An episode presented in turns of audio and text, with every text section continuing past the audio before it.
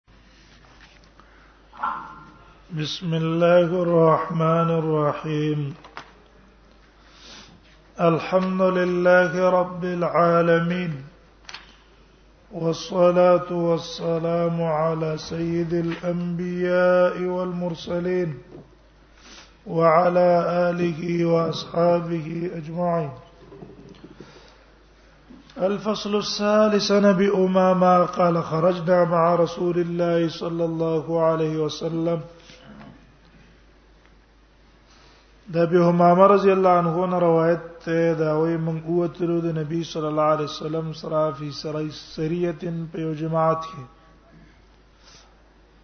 فمر رجل بغار تیر شو سړی په یو غار باندې فيه شی ام ما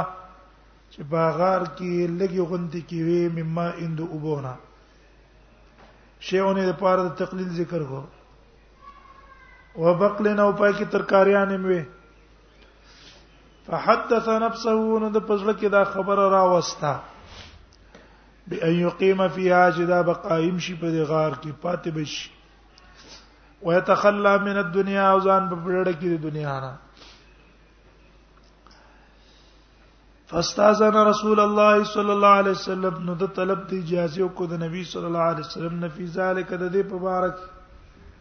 اې دا الله نبی زبې سار شما د الله عبادت بدل تکوم ستامه ته اجازه ده کنه نبی صلی الله علیه وسلم تو فرمایل انی لم ابعث بالیهودیه یقینا زنیم را لګل شوی په يهودیت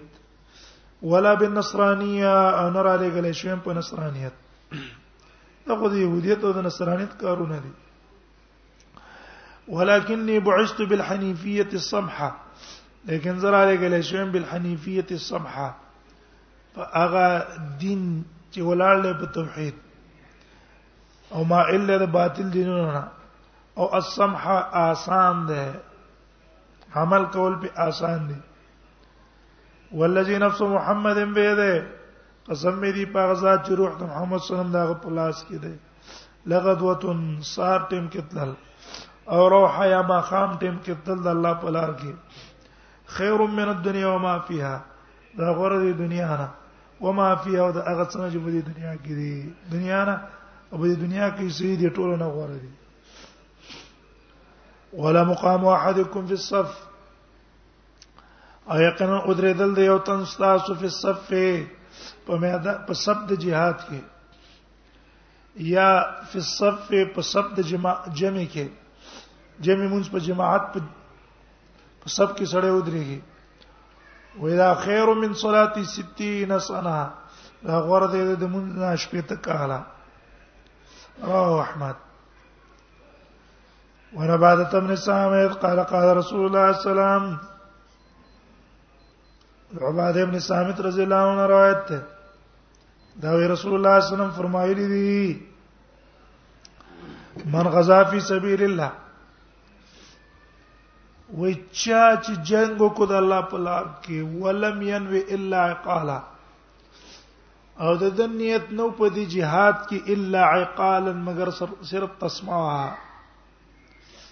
قال هغه مزي ته ویل کی چې په هغه باندې وختړل کی دا استثناء او کله تقلیل د پاره اې د دنیا یو معمولی معمولی شی هغه په کې نیت راوستو د دې jihad کې غټ د دنیا خو پرې ده معمولی راوستو فله ما نوا بس د لپاره به هغه چې کم د نیت کړه ده ثواب وته نه ملاويږي او دغه شی مو تکله ملاو شي کله مو ته ملاو نشي اجر یې نشته غرض د حدیث دا شو چې مجاهد له پکار دی چې jihad لذین خالص الله رضا نیت دی کوي چې الله باندې رضا شي د دنیوي اشیاء د حصول کوشش ته نه کوي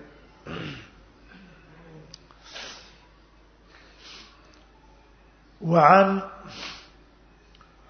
عبادته ابن الصامت تخوش وعن ابي سعيد ان رسول الله صلى الله عليه وسلم قال نبی سعید الخدری نے روایت ته رسول الله صم فرمای من رضی بالله ربا سوچ مش خوشاله شو په الله باندې په دې اعتبار چې داس ما رب ده من الله خپل رب کو غاڼل ول خالق مالک یو غنلو وبال اسلام دینه او په اسلام خوشاله او په اعتبار د دین چې داس ما دین دی او محمد صلی الله علیه وسلم رسوله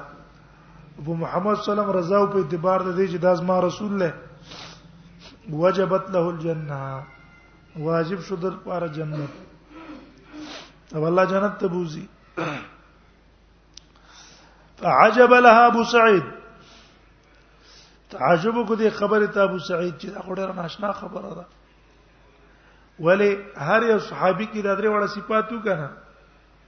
الله رضا او په دین اسلام او په محمد صلی الله علیه وسلم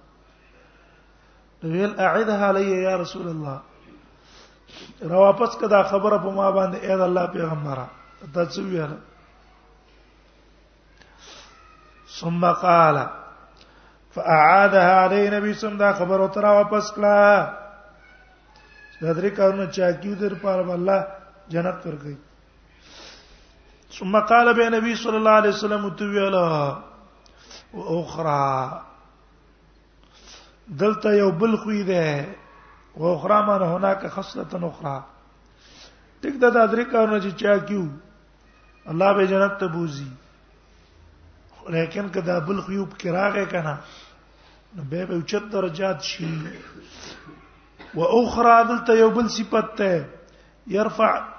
يرفع الله بها العبد يرفع الله بها پورته کوي الله تعالی بها په دغه صفت باندې العبد بنده 100 درجه فی الجنه سل درجه په جنت کې ما بین کل درجتين ما بین د هر درجه کې دونه فاصله ده کما بین السماء والارض غد اسمان او زمت کې منځ کې څونه فاصله ده قال وما هي يا رسول الله وی ویل څه ده اې د الله پیغمبره کوم یو خصلت ده قال وی فرمایل الجهاد فی سبیل الله جهاد کول الله په لار کې الله په لار کې jihad کول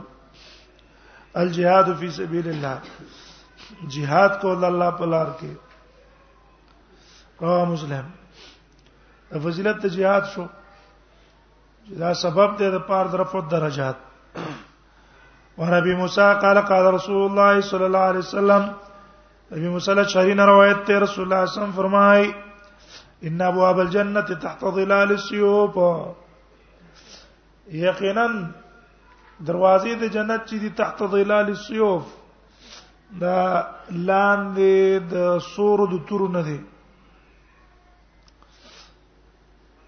اتوري نه وي تورو د سور لاندې دروازې د جنت دي څه مطلب مقصد دا دی چې مجاهد کله جنگ کوي کنه او تور داغه په سر باندې دشمنان پورته کی نو دا تور پورته کول داغه سبب دی د پاره د جنت د نوتلو جنت نه وتل جنت ته سره په دروازه نه وځي دا سبب شو سیوب نه مراد توري د مجاهدینو ده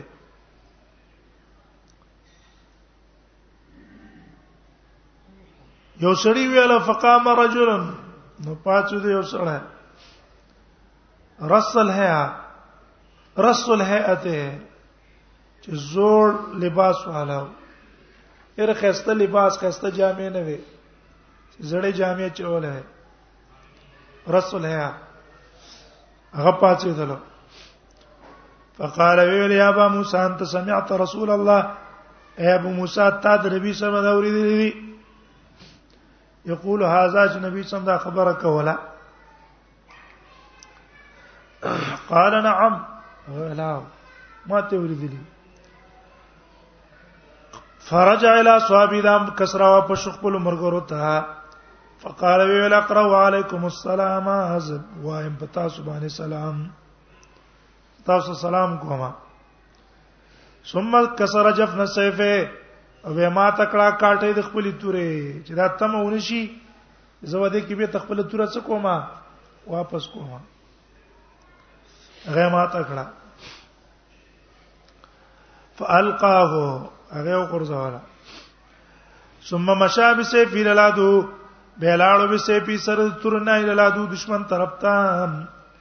فضرب به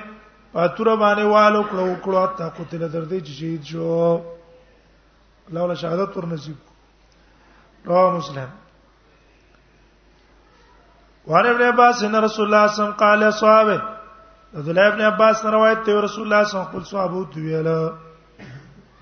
انه شان د لموسی به اخوانکم هر کله چې رسیدلو کړی شولو اخوانکم یوم احد ستا سرونه تر رسیدلو کړی شو ورځ د احد باندې نو جعل الله ورواحهم وګرځول الله تعالی ارواحکم روحنا داغیو فی جوف طیر خضر وججرو د مرغان شنو کې مکه موږ ویلو یو د شهیدانو ارواح دي یو د مؤمنانو ارواح دي عامو شهید روح حلال ته د سرو زرو مرغۍ په ججوره کې ورشي لکه دلته زمونږ تاسو روح د دې غوخه په کالبوت کې پروت دی څنګه مرشي الته د سرو زرو په کالبوت کې واچول شي چې سرو زرو کالبوت کې واچول شي خدا قصې شو کنه هغه څه ژوند دی شو او عام مؤمن چې کوم نه دا غد روح نه الله په خپل مرغې جوړ کی او یو بل سره ملایويږي خوراکونه کوي نو ترې دوه نهار الجنه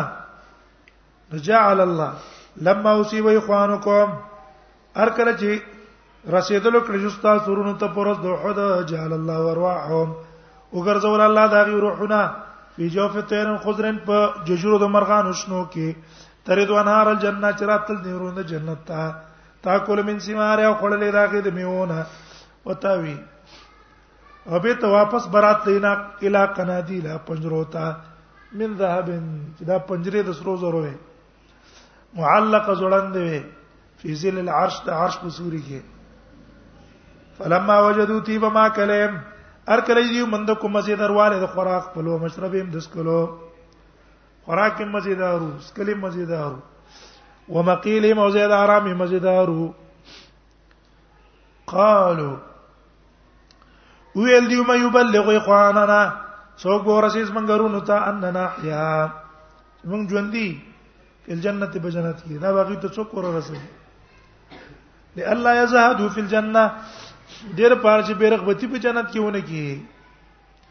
ولا ينقل عند الحرب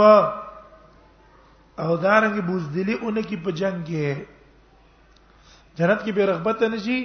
او میدان د جنگ کې سستی ونه کی فقال الله تعالی الله تعالی انا بلغو منکم زبو ته دا خبره اورسم استادو طرفنا فانزل الله تعالی الله د آیات نازل کو ولا تحسبن الذين ګمان مکوې پاکستان قتلوا فی سبیل الله چې وجل شهید الله پلار کې امواتن چې دا مړ دي ګمان په مکوي چې دا مړ دي په شان ته د عام مړو بل احیا ان بل کې را ژوند دي دي الى اخر الحیات رواه ابو داود ونبي سيد الخدري ان رسول الله صلى الله عليه وسلم قال نبی سید الخدری نه روایت دی رسول الله صلی الله علیه وسلم فرمایلی دی المؤمنون فی الدنیا لا ثلاثه اجزاء مؤمنان په دنیا کې درې قسمه دي درې قسمه دي درې انواع دي یو هغه کسان دي الذين امنوا بالله ورسوله ایمان راوړې په الله او پر رسول ثم لم يرتابوا بشک نه ده کړه شک نه ده کړه په دین او په ایمان کې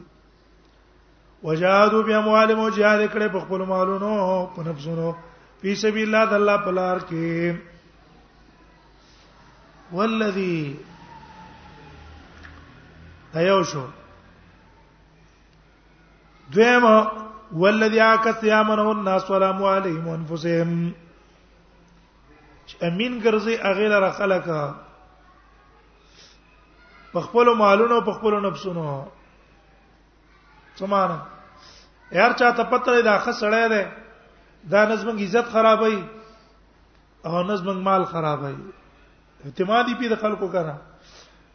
یاره دا سړې دا د انسان عزت محفوظ ساتي او دا چا په مال کې خیانت نه کوي دا د مونچت سړې ده ثم بیا هغه کس ته اذا شرف علی تمن اذا اشرف علی تمن چې وقار شي په یو تما باندې تر کوسته به پریدي دا غبل درجه ده څه معنا الا لچی دی لالچ پیدا شي راشدنه مال ووا یا د دلته بیزتیو کا خو بیت است د الله نه ویریږي جنا دا مخکنه مؤمن خو سره دا لالچ پکې ناراضي څه پکې ناراضي سره دا لالچ پکې ناراضي چې زه د چا څوک ما د چا مال خراب کوم د چا نفسونه د چا اینا د چا عزت خراب کوم ودا هغه کس ته چې لګي لالچ پیدا شي او به ته وي چې دا کول نه دی پکار نو دینه معلوم شو چې اول مؤمن اوچت ده کنه ثم لم يرتاب وجاهدوا باموالهم به فساد دویم نه به فساد دریم ده ورد رحمان بن ابي عمير ان رسول الله صلى الله عليه وسلم قال ما من نفس مسلمان ورشت یو مسلمان سره يقبض رب واجب سا واخلي دا غنه رب تاغه تحب هغه دې پیدا خو غنی تر جیله کوم چې را واپس تاسو ته وان لا دنیا او ما فی او دا غې د پاره دنیا او څه چې په دنیا کې دي دا به ته دا خو غنی چې مال د دنیا په دنیا کې چې دا ټول د ماته ملاو شي دا نه خوخی غیر الشهید صرف شهید دا غواړي چې به ته د دنیا ته راشم غیر د شهید نه قال ابن ابي عميره وايي قال رسول الله صلی الله علیه وسلم فرمایل او فرمایل بیا دی ویلا لا نقتل فی سبیل الله جز وجل شد الله پلار کې احب الیا دا ما ته ډیر محبوب ده من ان یکون لی اهلا وبره چې را دي چې زما په ملکیت کې اهل الوبر دا د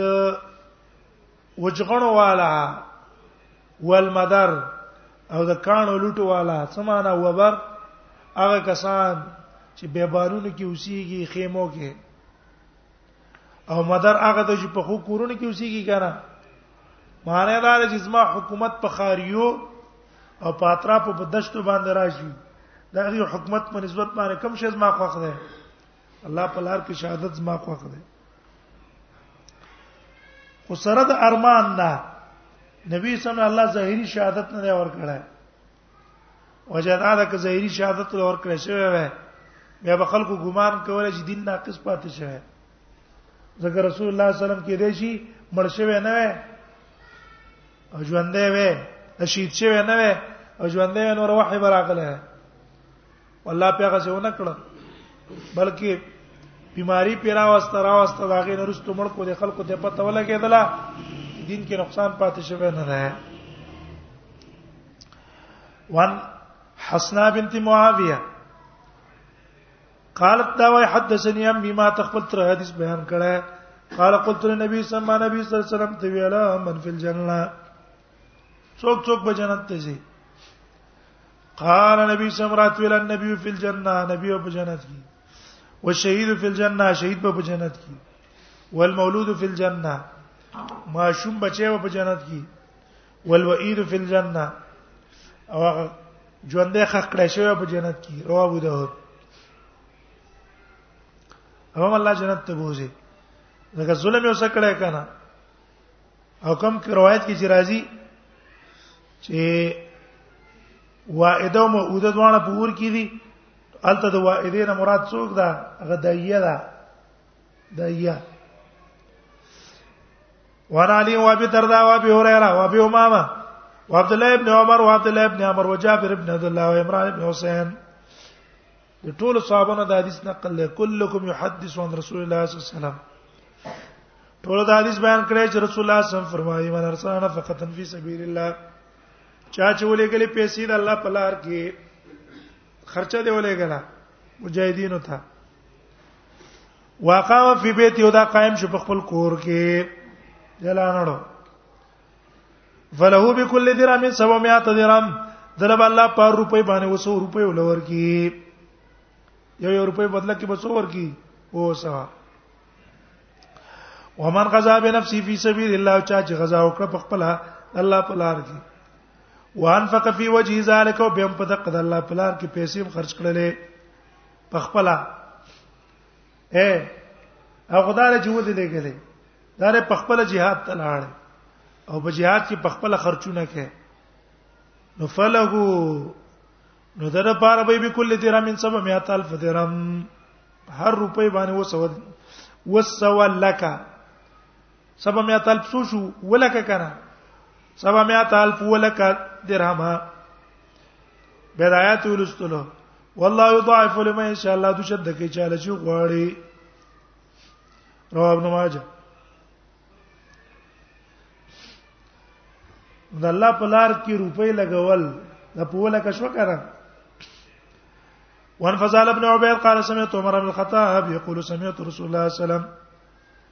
فضال ابن عبید نے روایت ته ما د عمر بن خطاب نو ردی فرمایل به ما د رسول الله صلی الله علیه وسلم نو ردی هغه ویل شي اشهدا و اربعه شهدا څلور قسمه دي رجل مؤمن جيد الايمان یو هغه سره دی مؤمن جيد الايمان چې قوي ایمان والا دی کامل ایمان والا لقي العدو دا ملاقات شو دشمن سره فصدق الله د رښتینه کده الله تعالی سره خپل وعده صدق الله معنا څه ده الله سره خپل وعده رښتیا کړه زب تخت منا میدان کې وڅکېګما کلک پودرېګما صدق الله ٹھیک شو یا دلته معنا څه ده فصدق الله تصدیق کو د الله تعالی دلته دا معنا ده فصدق الله تصدیق کو د الله تعالی د اجر چر الله شهیدان له ډېر اجر ورکړي او غټ اجرونه ول ورکړي ٹھیک شو یو معنا دا شو دوی معنا دا ده فصدق الله رښتونه کو د الله تعالی سره رښتونه کو الله تعالی څه معنا غدا چې الله د مجاهدینو او د مؤمنانو صفت کړی دی کنه په صابر او په محتسب چې دا به سوي صابر به محتسب به وي نو دم دک خبره د الله رښتیا کړه په میدان کې صبر صبرناک دی او د تکلیفونو باندې د الله نه امید د اجر او ثواب کوي او یا فصدق الله وانا صدا بالشجاعه والصبر رښتینی کړه د الله سره چې زما صبر کوم او شجاعت په مې درې بخکار کوم حتا قتل تر دې چې شهید شو فزا کله الذي يرفع الناس الیه دا کس ته چې پورته کوي به خلق د ورځ د قیامت الیه د مرتبه ته اعینهم سترګې په ورځ د قیامت اې دونه اوچت ځای به کړه خلق وته چې ګوري ورفع راسه پورته کو نبی سم سر خپل حتا سقطت قلن سواتو تر دې چې ته ټوپې ته پرې واتلا اې دې ګوره کنه وسی زړه دې ګوره ټوپې ته ورځي کی کار شهر شو چې نو چته ورته به وي خلکو ته ګوري ټوپې به ورځي خلکو یې لکه دونه چته بغلوا چې ته ته ګوره ټوپې دې سکیږي ورځي اوس دا وی قلن سوا د چا معنا مراد ده عربي وای فما ادري وزنه پويګم قلن سوا تعبر ارال چې دا د ټوپۍ نه مراد عمر ټوپۍ مراد وا چې عمر د زیګو کا ټوپۍ ته پروته او کنا ټوپۍ د نبی صلی الله علیه وسلم مراد ده چاره قال ايو رجل مؤمن جيد الايمان دویم قسم هغه سړی دی چې مؤمن دی جيد الايمان قوي ایمان والا دی لقي العدو دشمن سره ملاقات شو بوزدل دی کانما ضرب گویا کی والا شو جلد او چرمند ده بشوک طلحن بشوک طلحن ازغو اے په ازغو جواله شي کنه ازغو طلح اګیکر ته ویل کیږي په ازغو د کیکر گویا کې دا واله شوی د پاسغو د کیکر نو ګوره چې ازغي پیراکا کې دا بدن زیګ زیګ شي کنه دم د ډېر یې د وجنه بدن څه شوی دی بوز دلې د وجنه زیګ شوی دی ایمانه من الجبن د وجه د بوز دلې نه اتاو سامون استنا را څا پراغه د تک شي غرب نه چاپی غرب هغه ته لګی چې پته نه لګی چا وشتو اندا دند چوته وای نه معلوم فقتله دې مړ کو فهو فی درجه ثانیه نو دا په دویمه درجه کې ورجل مؤمن دریم قسم هغه رجل دی مؤمن خلط عملا صالحا چې ګډ کړي دی نه کمل وا خرس یا نور بد یک اعمال مشتا ګناونه مشتا لقي العدو دا ملاقات شو دشمن سره فصدق الله د ورشتنه کو زړور ده میدان کې کلک جنگ وکړو حتا قتل تر دې چې شهید شو فزا ک فی درجه الثالثه دا دي ګناوند وجنه څه شو درې مې درجه ته راغی ګناونه نه وې هغه دا ول سره ورجل مؤمن اصرف علی نفسه بلغه سره چې اسراف کړي په خپل ځان باندې لقی الادو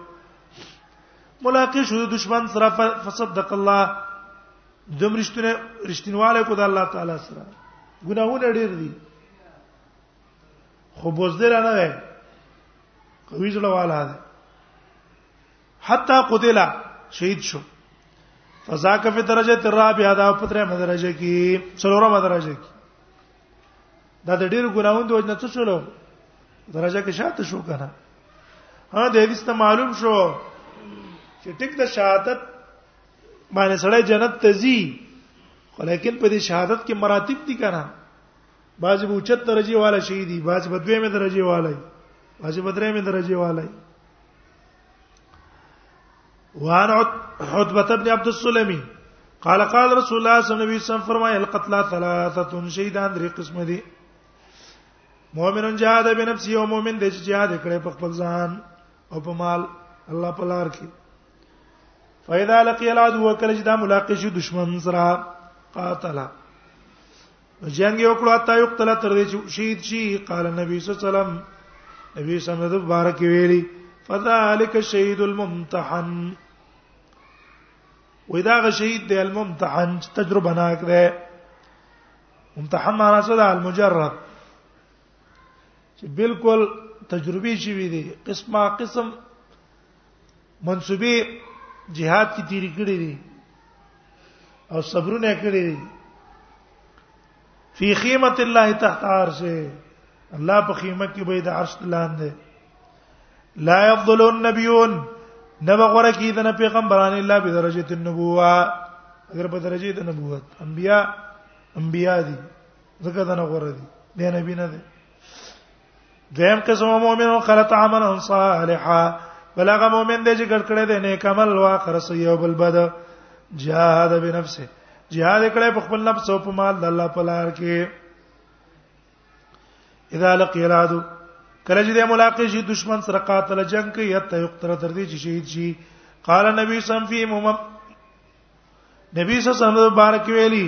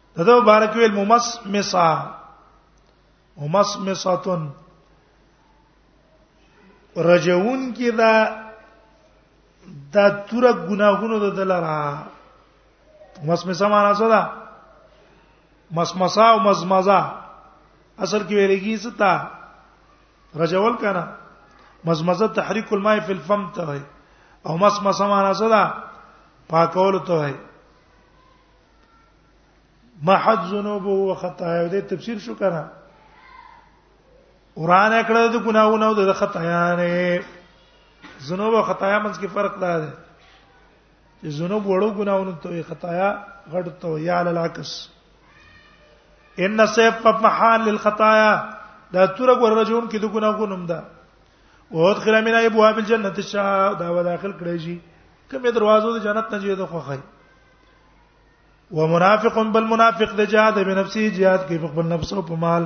فاذا لقي الاده کله چې دا ملاقات شي دشمن سره قاتل جنگ کوي حتا یقتل تر دې چې شهید شي فزا کفت نار دا منافق سره پور کی ان السيف تور چې لا يمح النفاق دا منافقت نه ختمه او داري وعن ابن عائز قال خرج رسول الله صلى الله عليه وسلم في جنازه رجل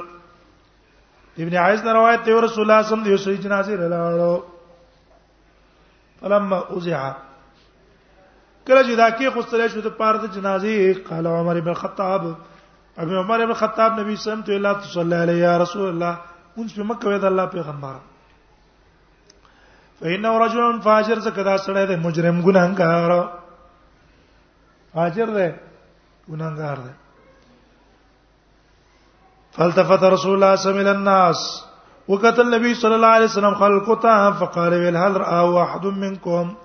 اې دې دا کس منکم یو تن منکم تاسو نه دلر علی عمل الاسلام په عمل د اسلام نیک عمل چا کړه پد کی قال رجل یو سړي ویل نعم یا رسول الله او اې د الله پیغمبره حرس ليله فی سبیل الله د څوکیداری کړی او شپه د الله په لار کې یو شپه الله په لار کې د څوکیداری کړی قال نبی صلی الله علیه وسلم فرمایلو فصلى عليه رسول الله صلی الله علیه وسلم په منځ جنازه وکړلو راځي مونږ په وکړو وحث وحث علی التراب او نبی سم په خپل خاور امرا واړه ولې وقال بيوتي ویل ان اصحابک استاد مرګری یظنون ګمان کوي انك من اهل النار يقين تجهنمي وانا اشهد انك من اهل الجنه او زه کوي ور کوم د دې خبرې ته جنتی زه جنتی وقال او تویل عمر انک لا تسر عن امر الناس یقینا ته چې لا تسر تا نه متبوس نه کی انا امر الناس لا منون خلقنا ولكن تسالو عن الفطره تا نه الله د اسلام په اړه کې تبوس کوي دا ظاهر کې مسلمانو کنه ته څه کې چې باطن بسې ګرځي رول به کې فی شعب الایمان